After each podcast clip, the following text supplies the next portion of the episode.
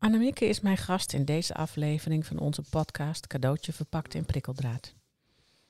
In juni 2017 werd Jeroen, de broer van Annemieke, in het buitenland onterecht opgepakt. Sindsdien zit hij onder erbarmelijke omstandigheden in een gevangenis in het buitenland.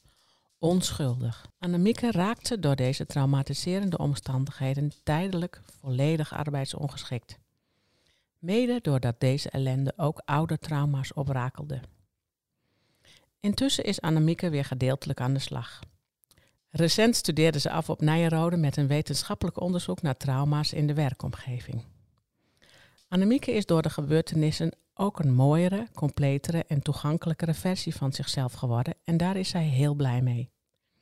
Ze wil graag bijdragen aan het verminderen van allerhande taboes rondom trauma's en daarom heeft Annemieke een carrière-switch gemaakt, gaat ze een boek schrijven en deelt ze daarom ook haar verhaal in onze podcast.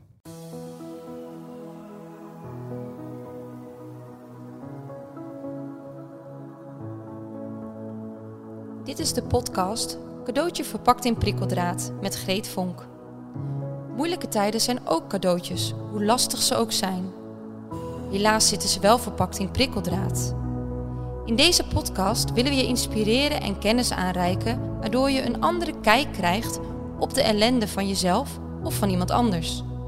Met als uiteindelijk doel om een completere versie van jouzelf te worden en of om dat proces bij de ander te ondersteunen.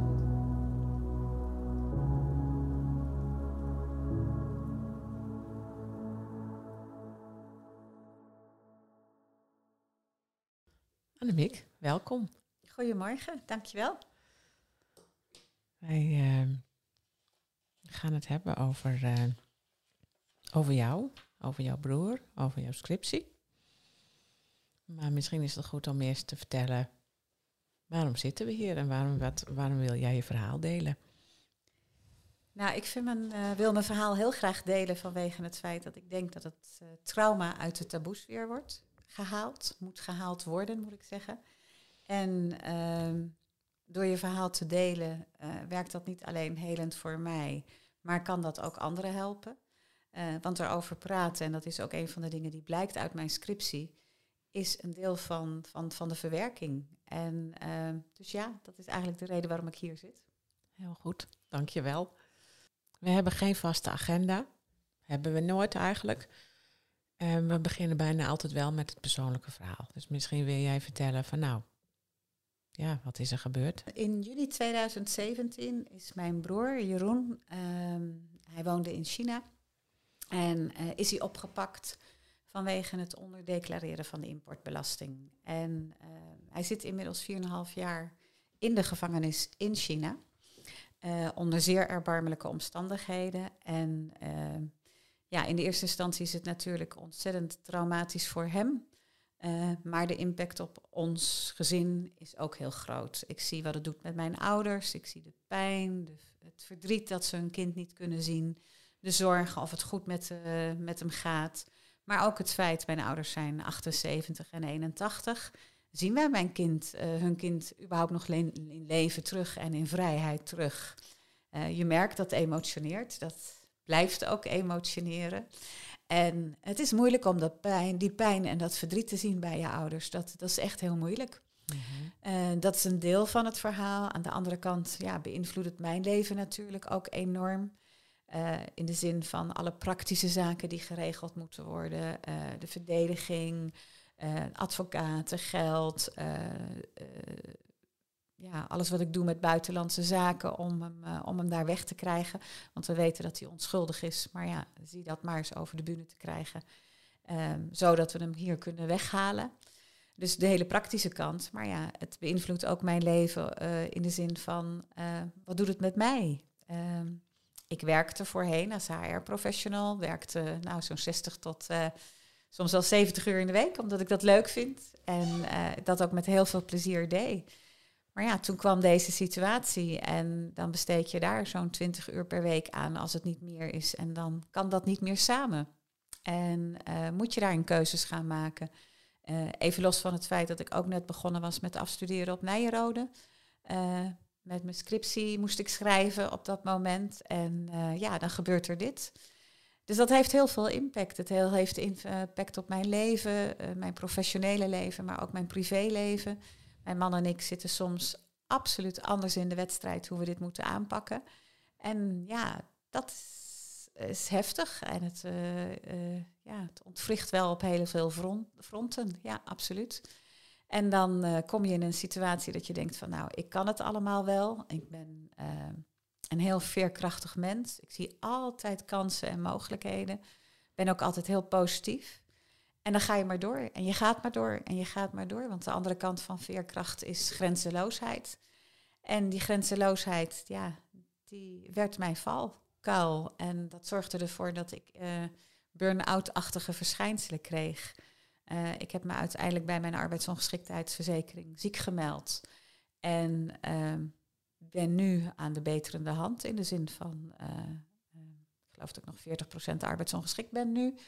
Uh, maar ja, het heeft heel veel impact gehad. fysiek, heel veel onverklaarbare pijnen. rugpijn, spanningen in nek, schouders. maar ook pijn in mijn, mijn buikstreek, spanningen op mijn borst. nog een andere lawaaitje in mijn oor. Nou, dat soort dingen allemaal. Dus echt fysieke klachten.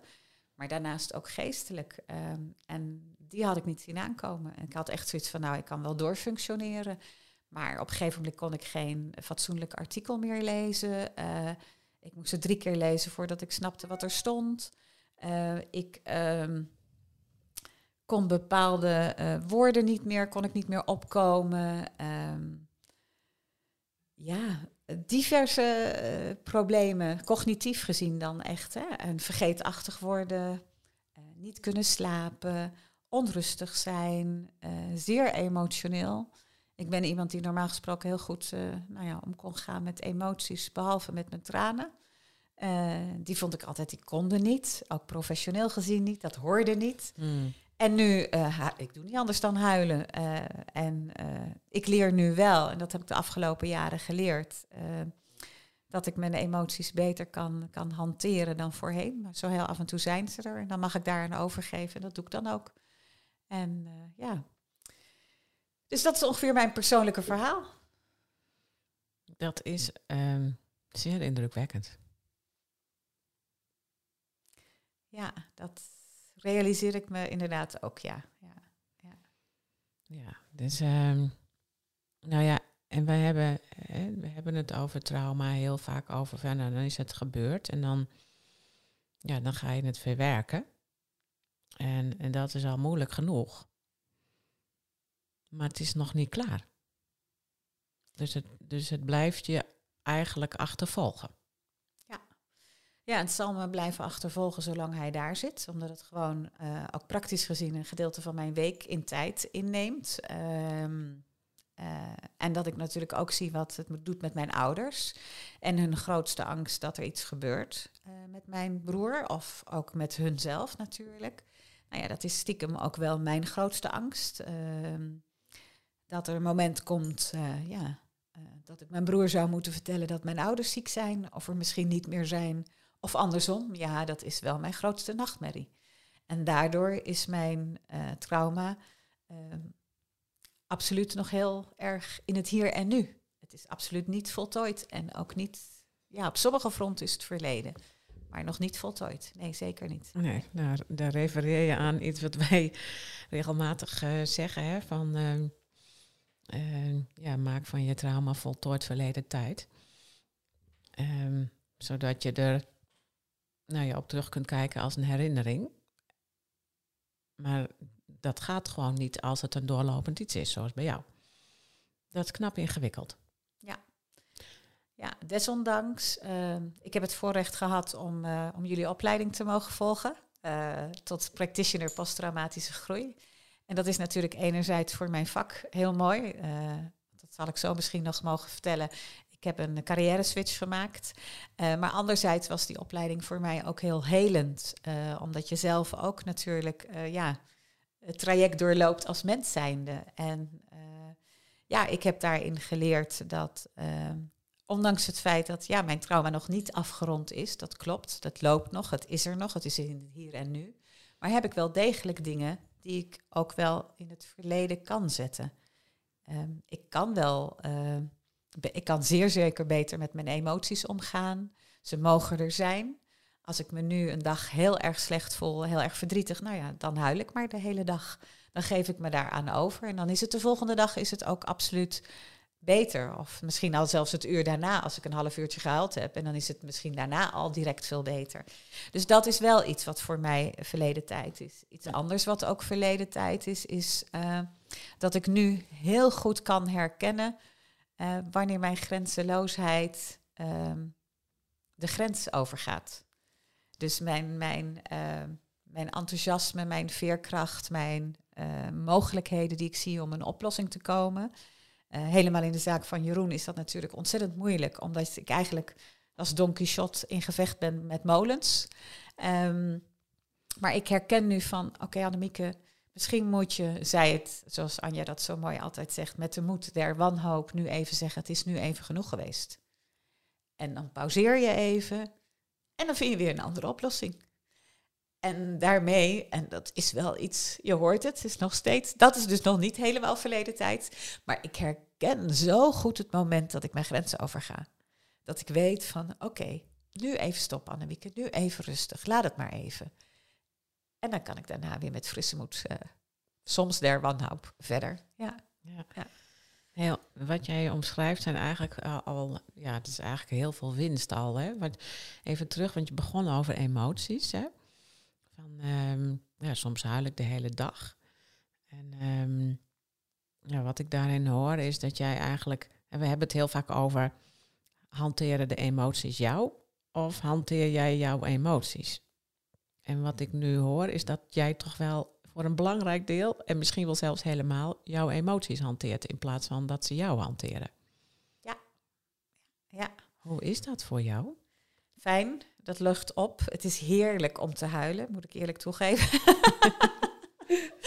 dat had ik me op voorhand niet zo gerealiseerd. Um, en we hebben het vaak alleen maar over huilen, maar ik kan ook heel boos zijn. Mm -hmm. Boos op de situatie, boos op mijn broer, boos op mij. En ook dat kan ik goed uiten. Uh, mag het eigenlijk niet zeggen, maar door heel hard auto te rijden met de muziek keihard aan en mee te blaren, dat werkt absoluut heel erg bevrijdend. Mm. Uh, dus zo doe ik wat met mijn woede. Um, ja, en ik vind het fijn om de emoties te doorvoelen. Het maakt mij completer. Uh, in plaats van ze weg te stoppen, dat ze er niet mogen zijn. En, en soms zijn ze heel onhandig. Hè? Ik bedoel, ik zit ook in gesprekken met buitenlandse zaken en dan zijn ze er ineens, uh, de tranen. En dan denk ik, oh nee, niet nu. Ik kan niet ten overstaan van de minister van Buitenlandse Zaken zitten huilen. Maar goed, oké, okay, ik ben ook een mens. En dan is het er even en dan, ja, en dan slik ik en dan parkeer ik het. Kan ik het parkeren en dan kan ik het later de ruimte geven die het moet hebben. Ja, ja precies. Oh, en dus zelfs dan heb je de regie. Dan zet je ze even in de koelkast als het ware. Ja. En, en dan haal je ze er later weer uit, zodat je ze alsnog gaat verteren. Ja, maar ik zet ze zeker niet in de vriezer. Nee. Absoluut niet. Zoals jullie dat ook zeggen, zet je emoties niet in de vriezer. Maar ja, geef ze de ruimte om er te mogen zijn. Ja. ja. Maar dat was vroeger bij ons in de familie absoluut een dingetje. Emoties mochten er nooit zijn. Dus het is sowieso uh, al het doorbreken van oude patronen geweest. Um, ook het herkennen van wat is het nou voor een emotie? Is het woede? Is het verdriet? Wat is het? Is het frustratie? Wat is het nou? Um, en dan inderdaad, ze mogen er zijn. En laat ze er maar zijn. En nou ja, dan ben ik verdrietig. En dan doe ik dat ten overstaande van een klant. Nou ja, soit, het is wat het is. Ja, ja. het is gewoon, het hoort bij het leven. Ja. Dat, dat zeggen wij heel vaak en dat zal ook in deze podcast regelmatig terugkomen dit soort emoties als woede en, en, en verdriet en, en soms zelfs wraakgedachten. Um, oh, die heb ik te over. Ja, sorry. Ja, die heb ik heel veel. Ja, ja maar dat, die mogen er ook zijn. Hè? Met name het wraak. Ik ga niet uh, zeggen van nou, dat moet je gaan uiten in de zin van hè, dat je het uit moet voeren. Maar het juist bedenken daarvan, hè, dat kan heel helend zijn. Nou, dat, um, en en dat is ook een vorm van uiten. Ja, ja zeker weten. Ja. En dat lucht op.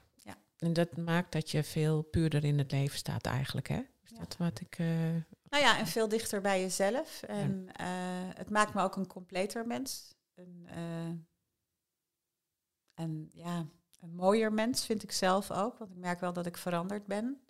Ik was doorgaans wat zakelijker, wat harder. En ik merk, ehm, en dat merk ik met name eh, na ook de opleiding, dat ik wat toegankelijker geworden ben. Ik heb hele andere contacten, andere gesprekken. Uh, en ik weet dat dat voor een groot gedeelte in mij zit. Ja, ik trek andere mensen aan. Vind je het fijn? Tuurlijk, ja, ja, uiteraard vind ik dat fijn. Ja, ja. Nou ja, het, hangt er een beetje vanaf wat voor andere mensen je aantrekt. ja, dat is waar, dat ben ik met je eens. Maar uh, nou ja, wat ik al, waar ik mee begon, ik vind dat er over trauma gepraat moet worden. Het moet uit de taboesfeer. Dus hoe meer mensen ik aantrek en met hoe meer mensen ik hierover kan spreken, hoe beter het is. Um, met name ook bij werkgevers. Um, ik vertelde in het begin al dat ik was begonnen met afstuderen. In 2017, net voordat mijn broer opgepakt werd. En dat ging over employability. Uh, en nu heb ik, uh, mijn thesisonderwerp is uh, ja, door de situatie van mijn broer veranderd. In de impact van ingrijpende gebeurtenissen in het leven van mensen op het functioneren, uh, op het werk en wat de rol van leiderschap daarin is. Um, dus ik merk ook, ja, helemaal binnen werkgevers wordt er helemaal niet gesproken over traumatische gebeurtenissen. Ga maar naar de bedrijfsarts. Een manager weet vaak niet hoe die hiermee om moet gaan. Um, helemaal niet als er ook, zoals bij mij ook vaak het geval is, tranen bij komen. Dat maakt het lastig. En um, het is dan ook belangrijk om, om ook werkgevers daarbij te helpen. Dat ze weten van oké, Trauma is iets waar je over kunt praten, hoe moeilijk het ook is, maar ga het gesprek erover aan. En uh, dan vind ik het juist heel fijn als ik veel mensen, uh, als ik toegankelijk ben om met veel mensen daarover te praten. Ja, wat het met mij doet. Ik heb natuurlijk veel mensen geïnterviewd voor mijn scriptie, daar kan ik natuurlijk niks over zeggen vanwege de vertrouwelijkheid. Maar de rode draad is wel daarin, en dat is ook wel een van de conclusies van mijn scriptie, van dat het bespreekbaar maken de start naar de oplossing is. Gewoon vertellen. Gewoon vertellen. En dat iemand luistert naar je verhaal. Ja, alleen al dat je je hele verhaal mag vertellen. Want dat is wel de feedback die ik van veel mensen gekregen heb. Het was zo fijn om mijn hele verhaal nu in één keer eens een keer te vertellen. Zonder dat er iemand zit die meteen wat van me wil. Die er een oordeel over heeft. Maar gewoon alleen maar luistert. Want dat is het enige wat ik gedaan heb. Ik heb alleen maar geluisterd naar de mensen. En dat is al zo fijn. En ik denk dat dat als managers het voor elkaar zouden kunnen krijgen om echt de tijd te nemen. Om oprecht, zonder oordeel en zonder al te denken aan, oh, wanneer komt hij weer terugwerken? Of wanneer komt ze, uh, wat kan ik aan haar vragen? Of nou ja, om te doen aan werk. Ja, maar wat, gewoon, wat moet ik doen? Wat, ja, gewoon maar eens loslaten in de zin van, oké, vertel je verhaal maar. En dan hoeft echt niet alles op tafel. Als de medewerker dat niet wil, is dat niet nodig. Maar een manager, uh, en dat is wel ook uh, iets wat ik zelf heel sterk ervaren heb ik ben in het verleden ben ik bijna verdronken. En ik heb een ernstig auto-ongeluk gehad. En ik had eigenlijk gedacht dat ik dat, die beide dingen geïntegreerd had in mijn leven. Want ik heb er destijds hulp voor gehad. Um, en ik dacht van, nou ja, dat heeft uh, ja, zijn weg gevonden in mijn leven. Maar nu, door dit uh, trauma, door deze gebeurtenis, komt dat des te harder terug. Ik zag recentelijk natuurlijk op de televisie de overstromingen in Limburg en dergelijke. En dan zie je die kolkende waterstromen. Nou, daar heb ik middenin gezeten. Dus dan besef je zo goed van, oké, er hoeft maar dit te gebeuren, maar iets heel kleins te gebeuren. En dat kan een woord zijn, het kan een televisieserie zijn, het kan muziek zijn, het kan een geur zijn. Of een opdracht die je krijgt op je werk, dat je weer teruggeplaatst wordt in, oud, in oud, oude ingrijpende gebeurtenissen, in oud trauma. En dat is er bij mij nog extra bijgekomen. En daarom ben ik relatief gezien ook best lang arbeidsongeschikt geweest. Puur vanwege het feit dat het niet alleen hetgene is waar je nu mee dealt, maar ook hetgene wat je vroeger, waar je vroeger mee geconfronteerd werd. Ja.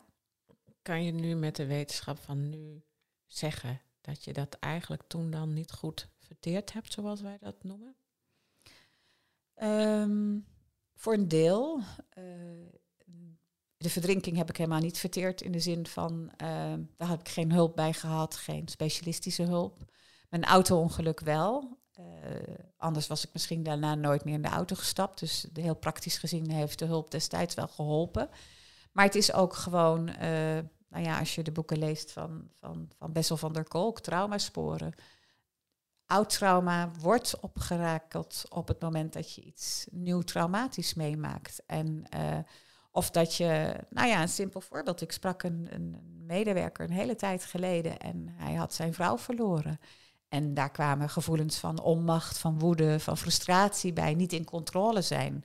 Terwijl hij een meneer was die enorm in controle was. En toen op een gegeven moment kreeg hij later een opdracht van zijn manager, maar die was boven zijn pet. En dat zorgde ervoor dat hij weer gevoelens kreeg van niet in controle zijn, van onmacht, van woede. En dat plaatste hem eigenlijk één op één terug in het overlijden van zijn vrouw. En die manager die wist natuurlijk nergens wat vanaf. Die, die, die wist niet eens van de situatie van het overlijden van zijn vrouw. Dus die was echt helemaal flabbergasted. Wat gebeurt er hier nou? En dit toont wel aan dat er over praten, en dan hoef je echt niet tot in detail te gaan, maar dat dat zo belangrijk is voor het begrip en ook voor de juiste ehm, ondersteuning en hulp. Uh, maar ook voor jezelf, voor de verwerking ervan. Wil jij uh, iets meer vertellen over jouw onderzoek wat je gedaan hebt? Want we zijn, vallen er nu eigenlijk een beetje middenin, maar je had wel een, uh, hè, je hebt een, uh, een kwalitatieve studie gedaan, zoals dat dan heet. Hè? Dus niet, dus echt met cijfertjes. Ehm, naar het effect van traumatische ervaringen op hoe medewerkers performen, hè, dus hoe, hoe, ze in hun werk gaan. En je hebt ook gekeken naar uh, hoe nou kan dat, dat daar zulke grote verschillen zijn. Nou, je hebt een heel groot onderzoek gedaan, dus we hebben het er ook over gehad van in detail delen. Dat, dat lukt niet zo goed. Maar kun je wel kort iets zeggen over wat, hè, hoe heb je het aangepakt? Wat, hè, wat, en, en wat zijn in grote lijnen de conclusies die je kunt trekken? Um,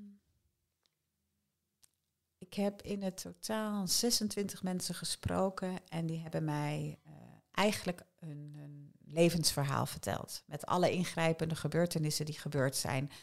Vanaf hun jeugd tot, nou ja, dit moment. Uh, ik heb ook bewust gevraagd naar alle traumatische gebeurtenissen. Ik heb overigens niet gesproken over traumatische gebeurtenissen, maar over ingrijpende gebeurtenissen. Omdat traumatisch meteen een bepaalde lading krijgt. Ja. En zoals Tedeschi ook heel mooi zegt, dat weet jij ook van trauma is in the eye of the beholder. Want ja, iets wat voor mij heel traumatisch kan zijn, kan voor jou helemaal niet uh, traumatisch zijn. Ja, misschien is het goed dat we dat ook even toelichten. Um, in de wetenschap van, van, van posttraumatische groei sterk doorlenden, zoals wij dat dan noemen, is trauma wordt veel breder gedefinieerd dan eh, zoals bij ons eh, in, ja, in de volksmond of in, in, in, ook in de gezondheidszorg. Daar moet je aan een aantal criteria voldoen en dan heet het trauma. In de wetenschap van posttraumatische groei. Eh, prachtig zo, ja, zoals jij dat zegt, in the eye of the beholder. Um, eigenlijk gaat het erom wat voor iemand als life-changing uh, voelt. Ja. En dat kan, uh, uh, ja, dat is dus heel subjectief. Want waar je hè, bijvoorbeeld voor de een kan bijvoorbeeld een ontslag heel erg um, ja, traumatisch zijn, life-changing, terwijl een ander zoiets heet van nou doet u mij een, uh, ja, een zak met geld en ik ga lekker voor mezelf beginnen. Of ja, ik heb zoveel vertrouwen, zoveel ervaring, komt allemaal wel goed. Ja, het mooiste voorbeeld daarvan vind ik um, als ik mijn, mijn, mijn vinger breek, nou ja, dat is tijdelijk ongemakkelijk en dat is lastig met aankleden misschien. Maar als ik uh, de Olympische Spelen moet doen als volleybalspeelster, is diezelfde uh, vinger een drama. En dat is echt heel traumatisch, want je werkt daar jaren naartoe, je traint ervoor en dan kun je dan niet. Dus dat, ja, dat vind ik nog steeds een heel mooi voorbeeld. Of ook een, scheiding. Voor de ene is het heel bevrijdend van oké, ik ben weg uh, uit deze situatie. En voor de ander is het van een continu gemis. Dus ja, weet je, je kunt er. Het is voor iedereen anders. En dat is wel een van de conclusies inderdaad van mijn uh, scriptie. Dat er is uh, sowieso in, in, in, um, in het trauma of in de ingrijpende gebeurtenis is het allereerst zoals de, iemand het ervaart, persoonlijk ervaart. eh, wat het hem kost, maar misschien ook wat het gebracht heeft. Eh, maar aan de andere kant is het ook zo ehm, dat er is in de aanpak niet een one size fits all. Um, wat voor de een heel goed werkt, hoeft voor de andere helemaal niet te werken. Maar um, dat is wel een feit. Het erkennen en het, dat het er mag zijn en het herkennen van wat er gebeurt met je. Uh, en dat dat helemaal niet raar is en dat dat uh, er ook mag zijn, dat is wel een hele belangrijke. Dus erover praten, maar ook het stuk over gehoord worden. Dat is één. En twee, ook uh,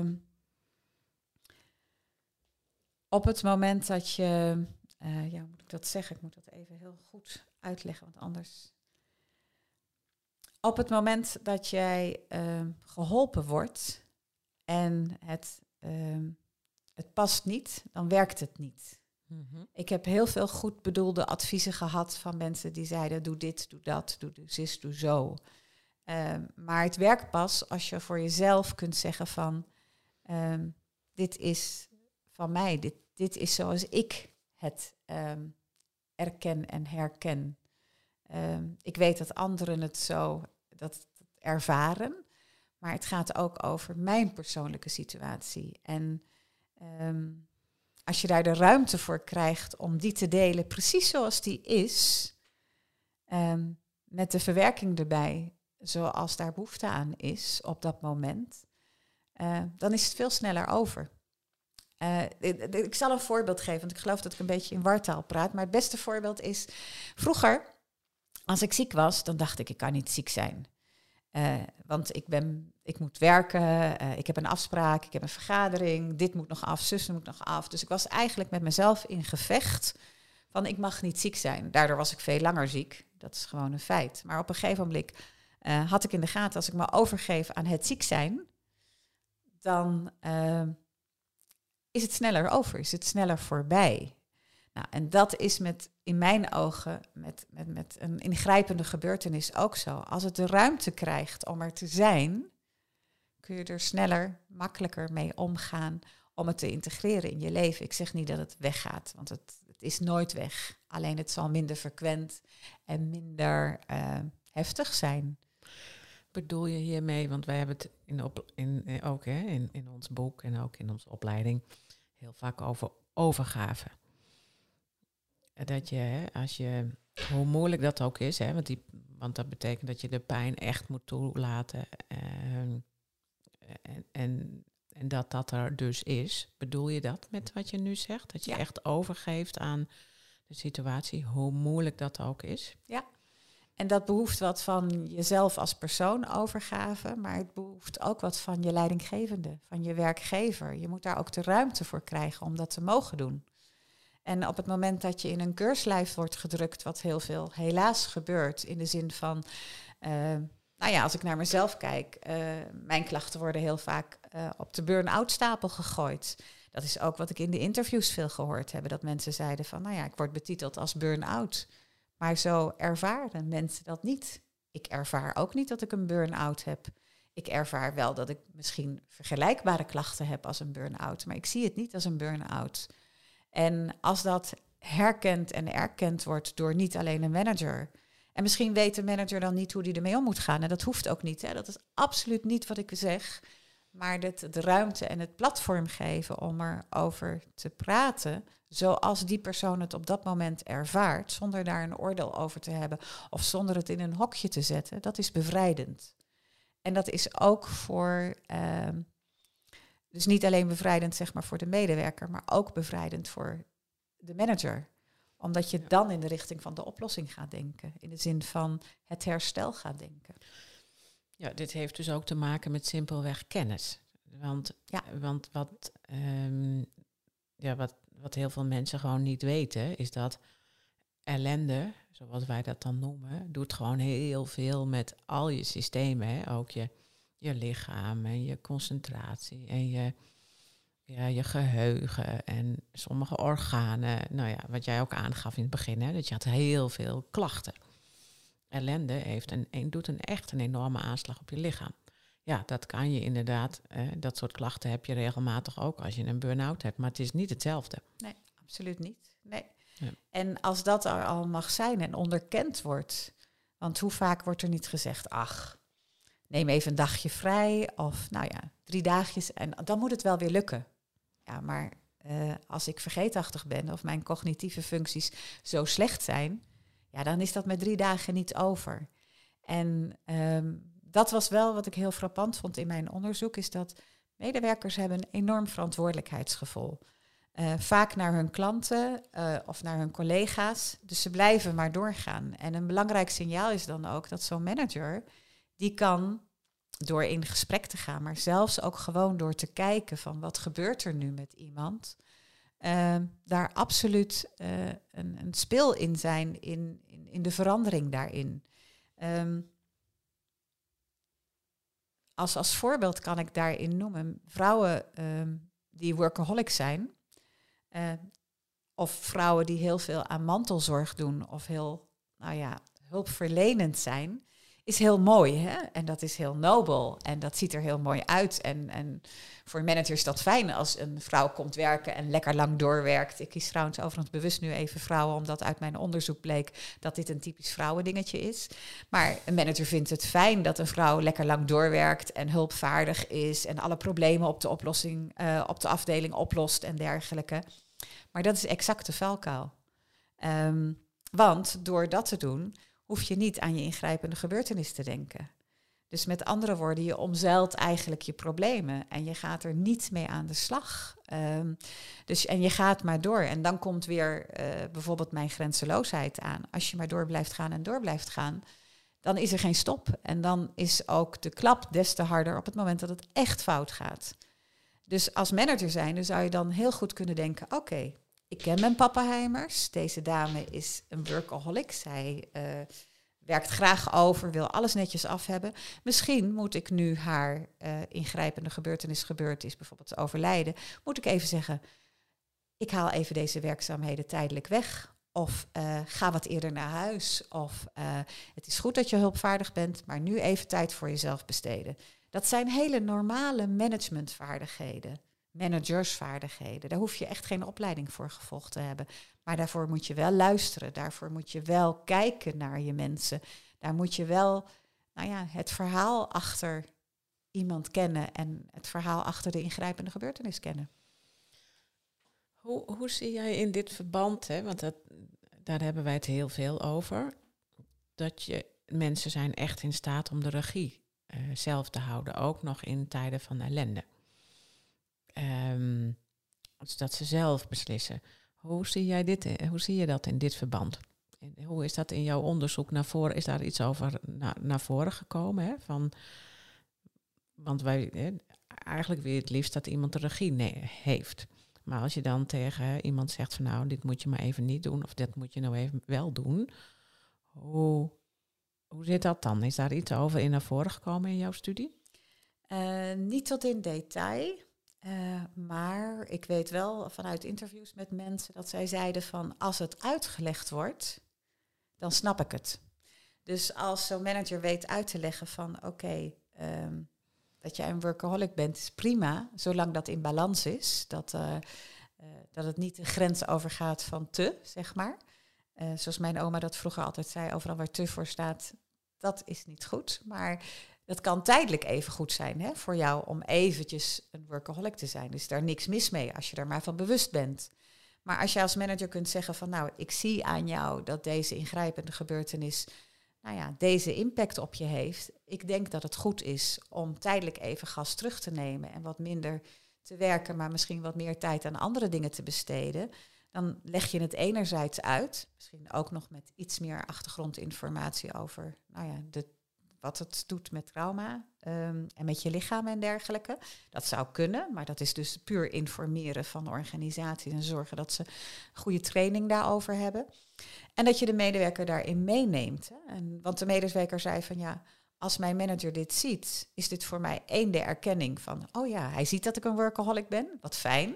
Maar aan de andere kant ook de erkenning van, hij geeft me de ruimte, want hij ziet hoeveel pijn en verdriet me dit geeft.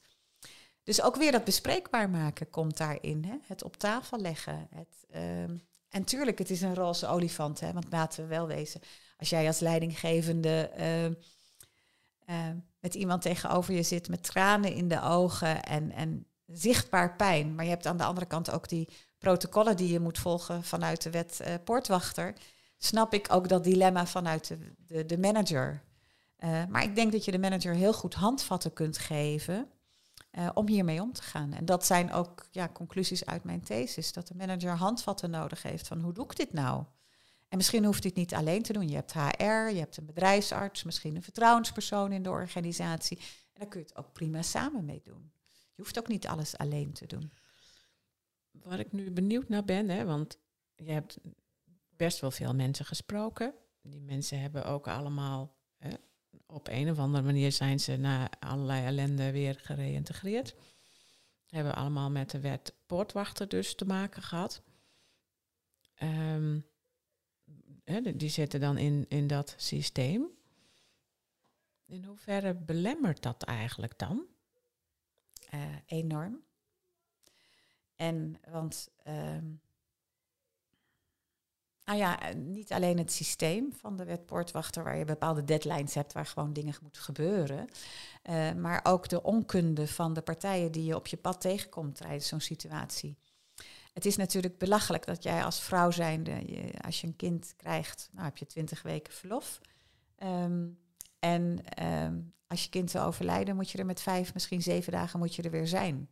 Dat is te idioot voor woorden. Dat, dat, dat kan niet. En um, Um, ja, in, in dat kader werkt nou ja, het protocol wat er is, werkt gewoon tegen. Um, de stappen die gevolgd worden, moeten worden in het kader van de wet poortwachter, uh, werken tegen. Maar laten we wel wezen, als werkgever zijn, dan kun je ook zeggen van oké, ik regel het wel, het komt goed.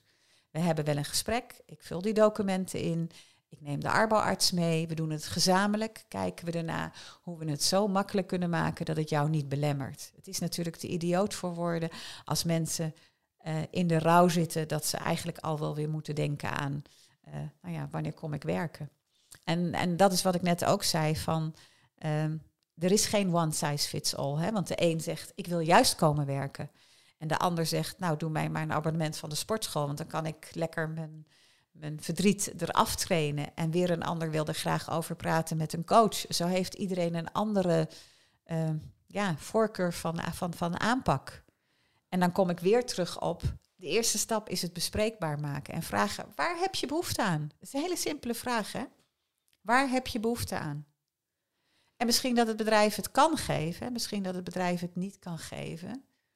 Uh, en misschien dat er derden aan te pas moeten komen. Maar die vraag van waar heb je nu behoefte aan? En het is ook niet mis om aan een werknemer uit te leggen dat je als bedrijf zijnde ook bepaalde verplichtingen hebt. Hè? Ik bedoel, uiteindelijk werk moet gedaan worden, helemaal bij kleinere organisaties. Um, je moet aan de wet nou eenmaal voldoen, maar leg het uit, creëer begrip daarover. Uh, maar vermijd de wetgeving in de zin van dat je mensen daardoor in hokjes gaat stoppen. Uh, en de protocollen die er zijn, want er zijn geen hokjes. Die one size fits all. Mm -hmm. Waar jij net ook uh, over op begint en nu ook weer over hokjes. Dat is dus, nou ja, dat weten wij ook. Hè, van in, in onze opleiding hebben we het altijd over en ook in onze boeken, nou, het hele gedachtegoed. Er is geen enkele vast methode, vast protocol, vast whatever, wat voor iedereen helpt dat bestaat gewoon niet. Er is maar één ding wat echt, echt goed helpt en dat is aandacht en belangstelling. Ja. Oprechte aandacht en belangstelling. Dat is dus ook uit jouw onderzoek gekomen. Ja. Wat heb, heb je ook in je onderzoek um, gezien hoe belangrijk dat precies is en hoe vaak mensen dat wel of niet missen? Um, het is verdrietig om te zeggen, maar mensen missen dat eigenlijk Bijna allemaal. Oh, wauw. Er zijn er een paar geweest in mijn onderzoek die gezegd hebben: mijn leidinggevende was er voor mij, ik kom bij hem terecht. Maar het leeuwendeel heeft daar de juiste begeleiding in gemist. Ja. ja. En die gaven wel aan dat sommige leidinggevenden absoluut goede intenties hadden, maar geen enkel benul, benul hadden waar ze mee bezig waren. Dus kennis, voorlichting uh, is, is, is als stap één. Ja. bewustzijn creëren, uitleggen wat er gebeurt. Uh, zoals ik het gesprek mee begon, wat er met mij gebeurde. Daarom is het ook belangrijk dat trauma uit de taboesfeer komt. Dat je allereerst mag praten over wat er met jou gebeurd is, wat het met je doet, wat de impact ervoor is. Ik kan me herinneren dat ik in het begin schaamde ik me ervoor, want uh, ik had zoiets, hallo, ik ben uh, uh, WO geschoold. Ik kan niet eens meer een artikel lezen. Ik moet een artikel op zijn minst tien keer lezen en dan snap ik het nog niet wat er staat. Iets wat ik voor die tijd, nou ja, in een kwartier las, dat kon ik niet meer. Nou, dat is echt wel een brug waar je overheen moet om dat tegen je leidinggevende te zeggen, ik kan dat niet meer. Tijdelijk in ieder geval. Tijdelijk is dat natuurlijk, hè? tijdelijk. En, en, maar wat kan ik dan wel? Want ik denk dat het ook verstandig is om te kijken naar wat er wel kan. Want ja, je kunt een heleboel misschien niet, maar kon ook een heleboel wel. Mhm. En daar is een bedrijf natuurlijk ook mee geholpen van wat kan er wel? En daarom is die simpele vraag van waar heb je nu behoefte aan, is een hele belangrijke vraag. Want mensen zijn, uh, kijk, ik beleef nu tijdelijk mijn trauma en ik beleef daar de nadelige effecten van. Maar dat ben ik niet, hè? Ik ben niet mijn trauma en ik ben ook niet mijn klacht. Uh, dat ben ik niet. Ik ben meer dan dat. Ja, het is heel mooi dat je dit ook uh, zo nadrukkelijk naar voren brengt. Want dat zien we inderdaad heel veel gebeuren. Dat mensen ja, bijna geïdentificeerd worden met, met de klachten of de, de situatie die ze meemaken. Maar dat is natuurlijk, je bent ja, en daardoor krijg je gewoon eigenlijk heel weinig herkenning en herkenning wie jij als mens nog veel meer bent. En die je juist misschien zelfs wel door zo'n situatie nog veel meer kan worden. Doordat je jezelf veel beter nog leert kennen, wat jij ook al eerder aangaf in dit gesprek. Nou ja, sterker nog, er is dus nog iets anders bij. Want die wet, uh, heeft natuurlijk iets heel nadeligs. Na twee jaar arbeidsongeschiktheid uh, kun je afscheid nemen van een medewerker? Nou, ik ben inmiddels langer dan twee jaar arbeidsongeschikt. Uh, dus een werkgever zou ook kunnen zeggen, nou ben ik zelfstandig, dus voor mij telt het anders. Maar een werkgever zou ook kunnen zeggen van, oké, dit is het moment om afscheid van iemand te nemen. Want ja, hij is twee jaar ziek en uh, ja, het is nu een klacht, dus het zal altijd wel een klacht blijven. En dat vind ik zo, daar kan ik me heel boos om maken. Dat vind ik zo door en door fout. Want precies wat jij nu ook zegt, is als jij um, actief aan de slag gaat met wat er met je gebeurt, dus je gaat met je ingrijpende gebeurtenis aan het werk, kun je er echt beter uitkomen. Um, en ik ben daar het beste voorbeeld van. Uh, nou, misschien dat ik er zo nog iets meer over kan vertellen. Maar ik ben daar echt het beste voorbeeld van. En het zou dan ook zo jammer zijn als een werkgever afscheid neemt van iemand die eigenlijk misschien wel een veel betere versie van zichzelf kan worden. En voor die organisatie nog heel veel kan betekenen. Um, dus ja, dat, dat zou ik echt heel jammer vinden. Um, en ik denk ook dat het vermeden kan worden door de juiste begeleiding. Uh, Um, kan een medewerker, A, denk ik, sneller dan dat ik nu gedaan heb. Uh, komt natuurlijk ook omdat mijn traumatische gebeurtenis nog voortduurt. Maar als je de juiste begeleiding en de juiste ondersteuning krijgt en leert omgaan met je ellende en dat integreert in je leven, um, is dat voor werkgevers ook iets dat ze sneller weer, nou ja, hun medewerker weer terug hebben, maar niet de oude, want je wordt completer. Maar uh, misschien heel, in een hele andere rol. Uh, met heel veel toegevoegde waarde voor de organisatie. En um, ja, dus dat vind ik wel iets wat, wat meer aandacht moet krijgen. Dat je niet zomaar kunt afscheid nemen van, van een medewerker omdat hij in deze situatie zit. En bij de een duurt het twee jaar en bij de ander duurt het een week of een maand of wat dan ook. Ook daar is niet een one size fits all in. Dat verschilt nou eenmaal. Um, maar als werkgever je realiseren dat als jij het juiste. Um, je kunt er natuurlijk een handleiding voor schrijven. Wat bieden wij als organisatie? En daarbij bedoel ik training van managers over uh, achtergronden van wat, wat doet een ingrijpende gebeurtenis met de mens. Maar ook hoe ga ik ermee om? Wat is de juiste vraag op welk moment? Uh, wat doe ik wel, wat doe ik niet? Hoe kan ik simpelweg uh, gewoon luisteren naar iemand en iemand de aandacht geven? En dat je dan in, dat, in datzelfde protocol hebt staan van oké, ik heb coaches achter de hand. Iemand kan allerlei andere dingen doen die helpen. Een soort menukaart wat past voor die persoon. Uh, dat zou heel mooi zijn. Want ik denk. Um, ik zou het graag gunnen dat mensen op de juiste manier geholpen worden met hun ingrijpende gebeurtenis, zodat ze een completere versie van zichzelf worden en dat ze ook voor werkgevers van meer waarde kunnen zijn.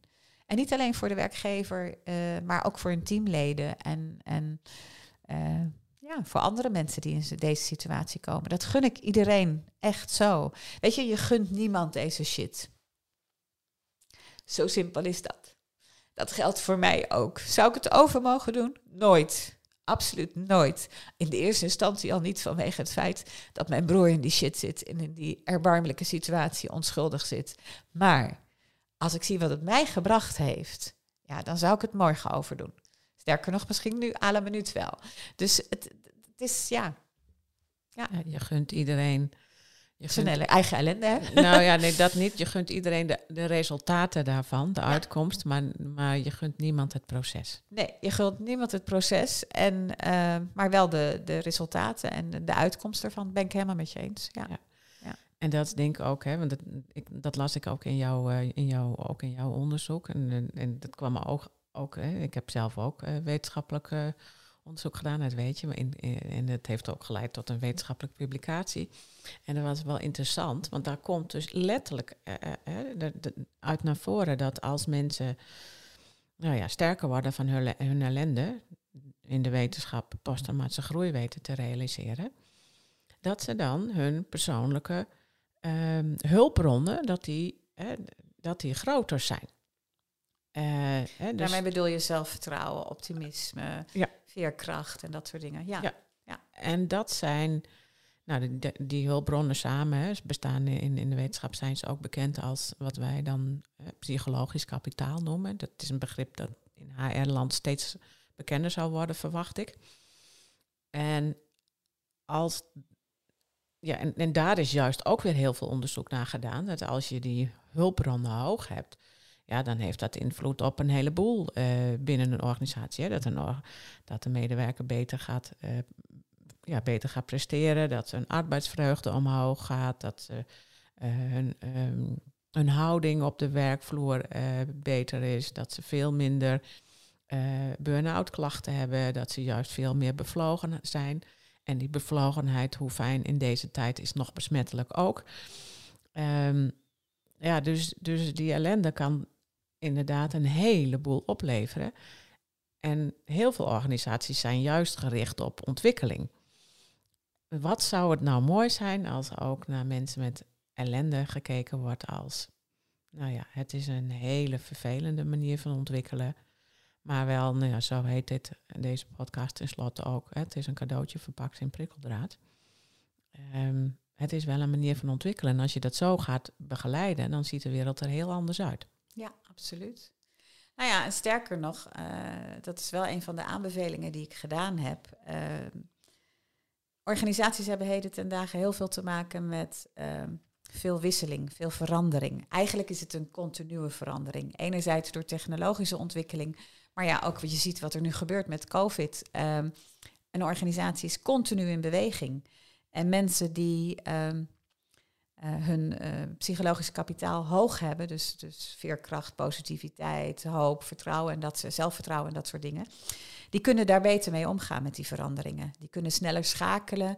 Um, die zijn sterker daarin. Uh, hebben natuurlijk door hun zelfvertrouwen. Nou ja, oké, zo'n verandering overleef ik wel. Daar vind ik mijn weg in.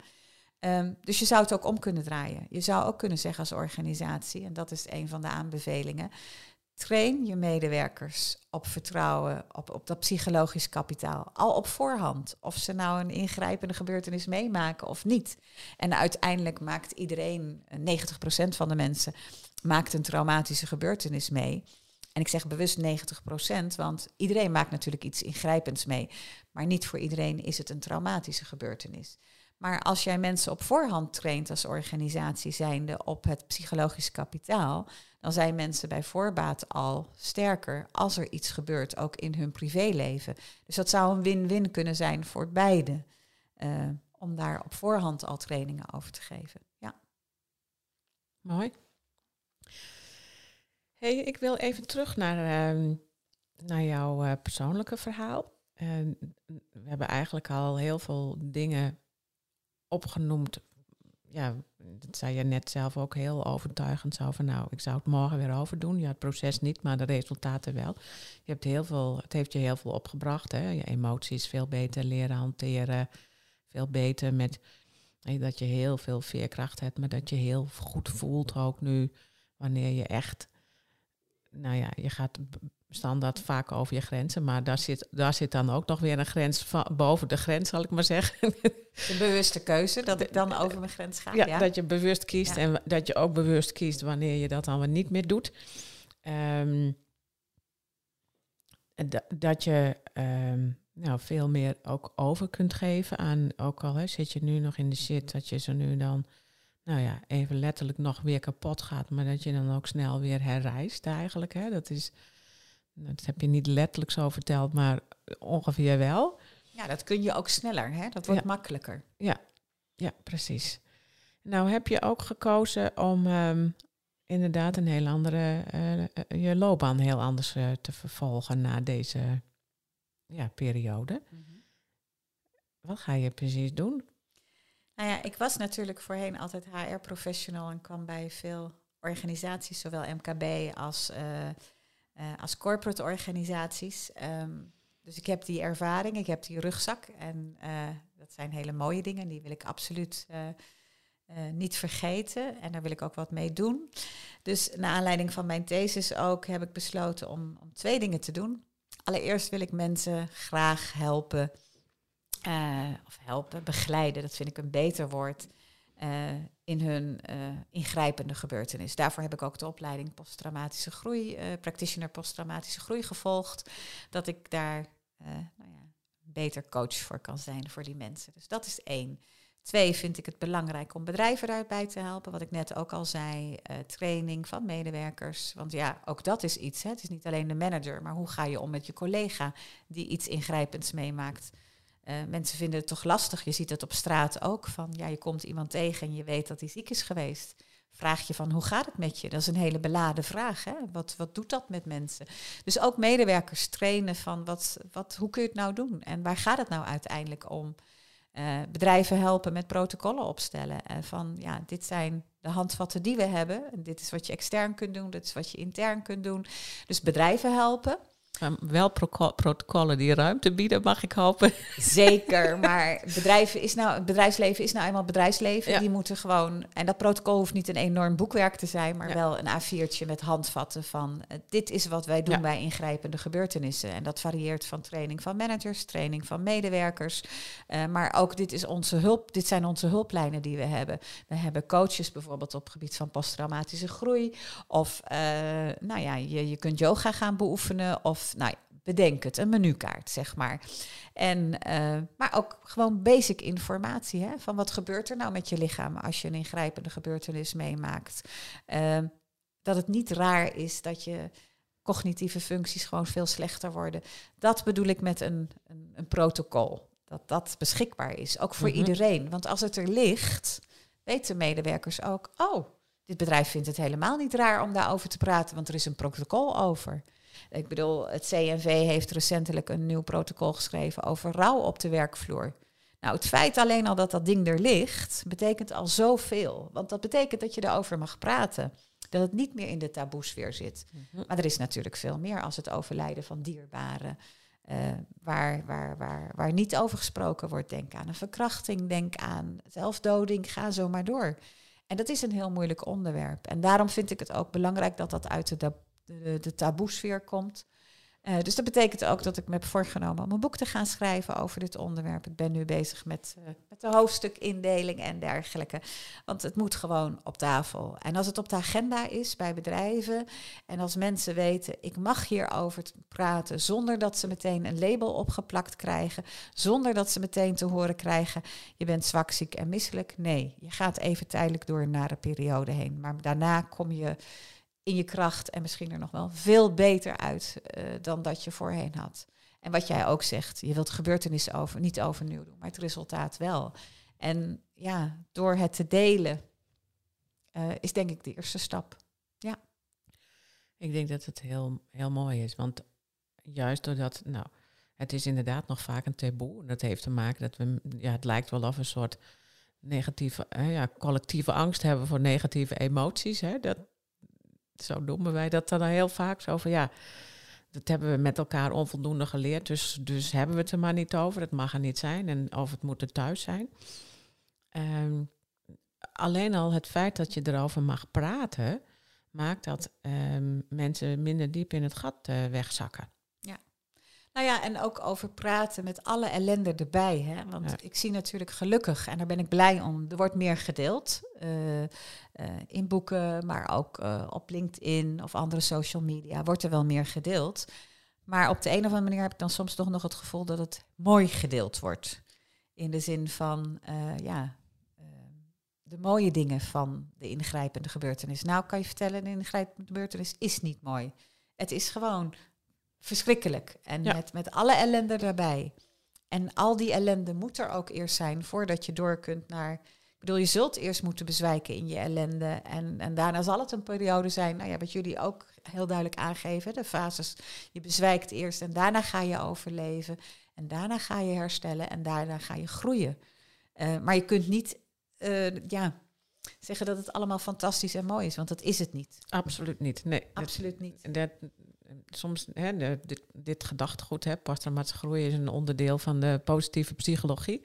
En soms denken mensen wel eens dat het een soort van happy de peppy verhaal is. Nou, dat is het absoluut niet. Wij zeggen ook altijd, ellende is ellende en dat blijft het ook. Ja. Ook als je er uiteindelijk uh, sterker uitkomt. Ja, en verpak het ook niet mooier. Hè? Je hoeft het voor niemand mooier te verpakken. Iedereen snapt hoe, ja, hoe moeilijk het is en hoe zwaar het is en, en waar je doorheen gaat. En wees daar eerlijk over, want op het moment dat jij er eerlijk over bent, zegt de ander: hé, hey, hij heeft het ook of zij heeft het ook, dan mag ik het ook. Ja. En, en als we dat met z'n allen kunnen bereiken, dat is al de eerste stap. En daar zou ik zo blij mee zijn als dat er gebeurt. En ja, daarna gun ik iedereen natuurlijk inderdaad de, de groei. Ja. En daar ga jij met je boek een bijdrage aan leveren. Dat is absoluut de bedoeling, ja. En in jouw werk ook. Ja, en mijn thesis was daar de eerste stap in. En ik ga nu kijken of ik er mogelijk, net zoals jij ook gedaan hebt, een artikel van kan maken. Maar dat is voor de academische wereld. Ik zou het heel belangrijk vinden dat het toegankelijk is voor iedereen. Dus dan is een boek beter. Ja. Helemaal goed. En daar ga je ook verder je werk van maken als coach en als uh, nou, trainer adviseur, en adviseur, trainer, voor bedrijven. Ja, ja. helemaal goed. Ja. Heb je al een website? Uh, ja, maar er staat op, kijk naar mijn LinkedIn-profiel voor meer informatie. Dus nou, misschien... daar moet ik heel hard mee aan de slag. nou, misschien als deze podcast wordt uitgezonden, is hij wel, uh, is hij wel online. Dus noem hem maar even. Um, Oké, okay. Heel simpel. Oké. Nou. Gewoon wie ik ben. Ja, ja. Helemaal goed, dankjewel.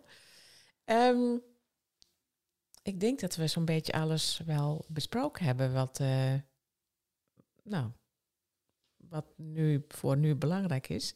Behalve dat jij misschien nog iets als afsluiting zou willen zeggen. Ja, wat zou ik als afsluiting nog willen toevoegen? Ik denk een oproep aan iedereen. Ehm, in de zin van uh, blijf, niet, uh, blijf er niet mee worstelen. Zet uh, je ingrijpende gebeurtenis en de daarbij behorende emoties, zoals jij net ook al zei, niet in de vriezer. Haal ze eruit, ga ermee aan de slag, zoek hulp. En ik realiseer me terdege dat zoek hulp lastig is, want ja, de wachtlijsten van de psychologen zijn overvol. Maar er zijn goede coaches die je ook kunnen helpen. Maar misschien al zelfs uh, een familielid of een vriendin. Um, praat erover. En uh, dat is de eerste stap. En geef jezelf het cadeautje. Gun jezelf ook je, de liefde voor jezelf en de warmte voor jezelf om er wat mee te doen.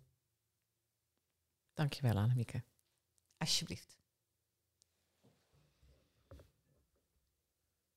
Dankjewel voor het luisteren naar deze cadeautje verpakt in prikkeldraad podcast.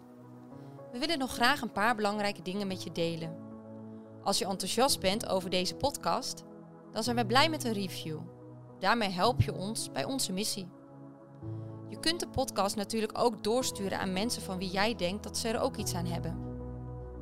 Wil jij voortaan alle nieuwe podcastafleveringen overzichtelijk op een rijtje?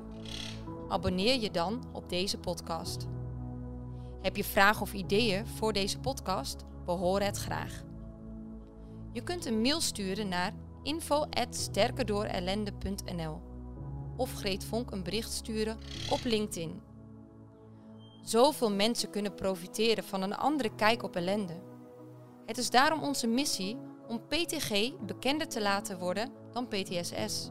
Wil jij meer weten over PTG of bijdragen aan onze missie? Je kunt op onze website www.sterkerdoorellende.nl onze boeken bekijken en eventueel kopen, de e-learning bekijken, een gratis inspiratiesessie volgen, de PTG-vragenlijst invullen, workshops en opleidingen boeken. We hopen dat deze podcast jou heeft geïnspireerd, zodat je in tijden van ellende in jouw leven of werk kiest voor het positieve en hoopvolle gedachtegoed van PTG. Voor jouzelf, je familielid, je vriend, vriendin, collega, klant, voor wie dan ook. Tot de volgende keer.